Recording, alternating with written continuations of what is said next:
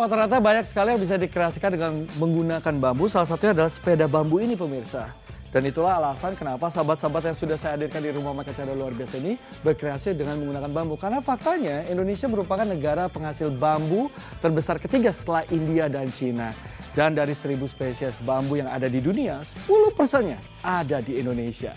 Nah sebentar lagi saya akan hadirkan sahabat saya berikutnya. Namanya Jatnika Nanggami Harja, seorang pelestari bambu di Indonesia.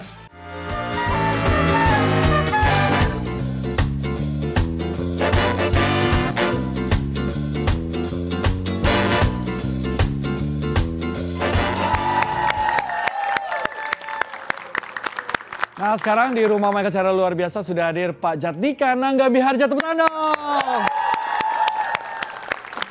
Nih aku panggilnya Abah aja ya. Abah, Abah ini kalau lihat-lihat dari tadi kan diperkenalkan adalah seorang pelestari bambu di Indonesia. Kenapa tertarik ya seakan-akan kehidupan Abah ini tidak pernah lepas dari bambu. Kenapa itu Abah?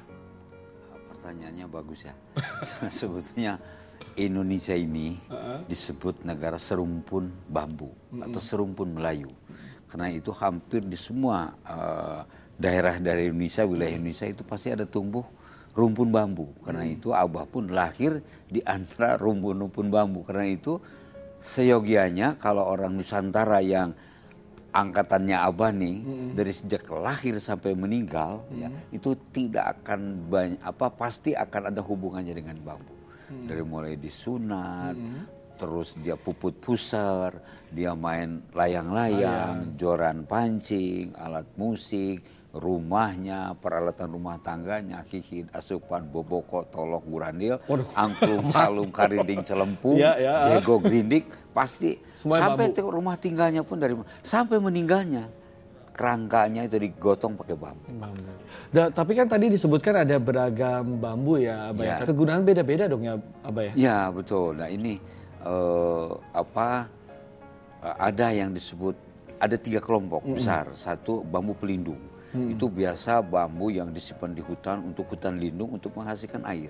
Oke. Nah, bambu pelindung itu jenisnya bambu ampel, bambu haur kuning, haur hijau, eh, pring ori, bambu yang berduri itu biasa di sumber-sumber mata air. Itu disebut bambu pelindung untuk menahan tebing supaya tidak longsor. Dan penghasil air dan penghasil oksigen. Ada bambu yang disebut bambu yang bisa diproduksi atau bambu pelopor, bambu yang bisa diproduksi. Seperti bambu tali. Hampir semua anyam-anyaman itu pasti dibuatnya dari bambu tali. Oke. Karena Jadi itu seperti topi ini ya, kurang Nah, ini pasti bambu bambu, tali, bambu pelopor, bambu Oke. bambu tali. Nah, Jadi tiga tadi apa nah, bambu ya, pelindung, ah, yang bambu pelindung. Yang terakhir Kecil? bambu untuk landscape, untuk taman. Dia tidak tinggi biasanya, ada dua meter setengah. Daunnya kecil-kecil. Uh, banyak banget ini Banyak, jenis- betul, jenisnya. banyak. Nah kalau yang uh, Abah bawa ke rumah saya ini, Iya. ini kira-kira apa aja nih Abah? Waduh, Mungkin ini- bantu jelasin. Kalau yang ini nih apa yang nih? pertama itu disebut bitung sari. Ini bitung sari. Nah, itu tingginya 5 meter tapi dia buka kayak payung. Oke. Ah, ada filosofi kalau di Jawa Barat Bitung Sari Mawawangi Ngancik Dina Sanubari itulah Siliwangi. Oke. Tangan dong buat Abah. Kalau yang ini Pak? Kalau yang ini? Nah ini ini disebut bulu hitam dan ini Ini bulu hitam. hampir langka. Ini kelebihannya dia satu rumput bisa seribu batang dan tiap batang menghasilkan oksigen 1,2 kg untuk bernapas dua orang. Kalau dia 500 batang berarti untuk 1000 orang bernapas. Berarti ini termasuk yang golongan tadi ya bambu pelindung ya? Bambu pelindung. Bambu pelindung. Kalau yang ini? Nah ini bambu rambat. Nih ba- bambu Disebut rambat. juga ah, disebut juga tunjung derajat. Nih, kalau orang yang nanam bambu ini derajatnya naik terus, Pak. Waduh bisa aja. Saya mau ah, nambah. Mesti nanam berapa tunjung Bang? derajat karena eh, dia kelebihannya kalau masih ada rambatan berapapun tingginya Iya. ya eh, tidak sampai ke langit tapi berapa yang tingginya itu dia ikut. Hmm. Nah, disebut juga bambu urat.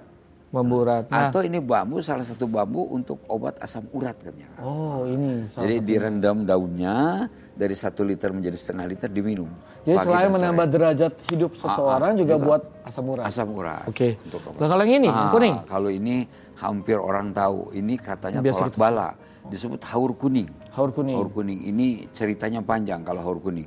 Makanya orang katanya jangan dekat-dekat dengan pohon bambu, banyak kuntilanaknya. Padahal kuntilanak takut sama bambu kuning ini. Oh, jadi pasang banyak gitu ya. Nah, yang terakhir ini, Mbah, mungkin ini, Ah, ini bentuknya bambu. unik soalnya. Bambu botol. Heeh. Bambu botol atau orang ada yang mengatakan bambu nagin. Sebenarnya bambu botol di kita pun ada jenis bambu ini, bambu botol. Bambunya bulat-bulat-bulat gitu kan. Tapi kalau disayak itu bisa dipakai untuk eh, kolekan pintu ya. Oke. Jadi banyak manfaatnya. Wah, tepuk tangan dong buat Jaka.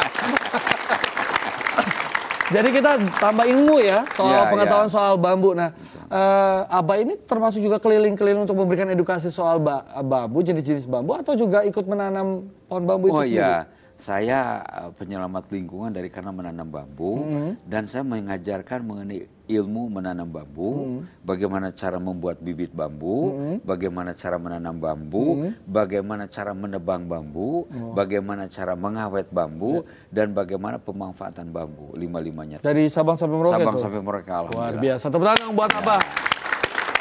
Nah, Abah, Abah juga katanya ini punya eh, paten, hak paten Ya, untuk ya. untuk rumah bambu, Rumah bambu, semi betul. permanen. Semi permanen, betul betul. Gimana ceritanya itu, Bah? Rumah bambu itu Abah pikir identik dengan kemiskinan. Iya. Kan ada tuh punten ya, maaf ya, ada lagu yang dikarang oleh almarhum Maggie Jet, Iya. apa gubuk derita. Itu digambarkan di bawah gubuk bambu. bambu. Jadi rumah bambu itu identik dengan penderitaan.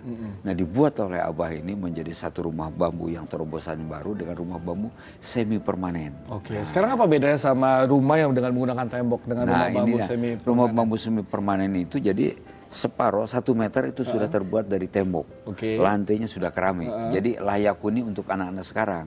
Kelebihannya ini tetap kalau rumah bambu tradisional kan anti gempa pak. Apalagi yang panggung begitu Ya. gempa bergoyang ini atapnya kan dari lalang. Itu tidak akan apa tidak akan sampai rubuh karena yang rubuh itu karena tembok. Nah, jadi udah anti gempa, anti gempa masih terpelihara karena sistem konstruksi utamanya itu tidak dipaku, itu diikat Betul. saja.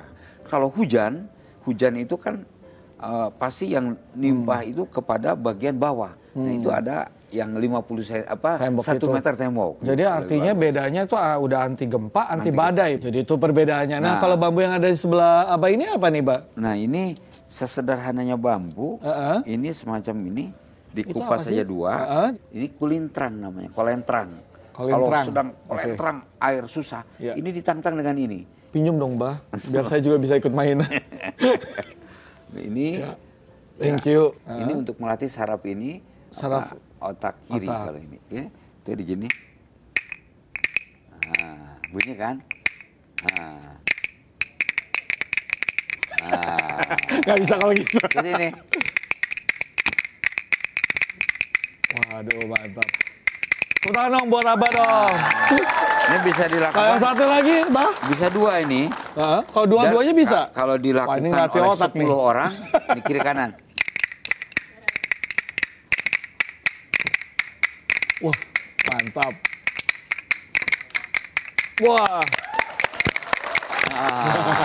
Segala musik yang terbuat dari bambu itu akan membawa ketenangan. oke. Angklung, calung, karinding, celempung, lodang, kulintang. Kenapa ujungnya ang? Ang itu membawa ketenangan.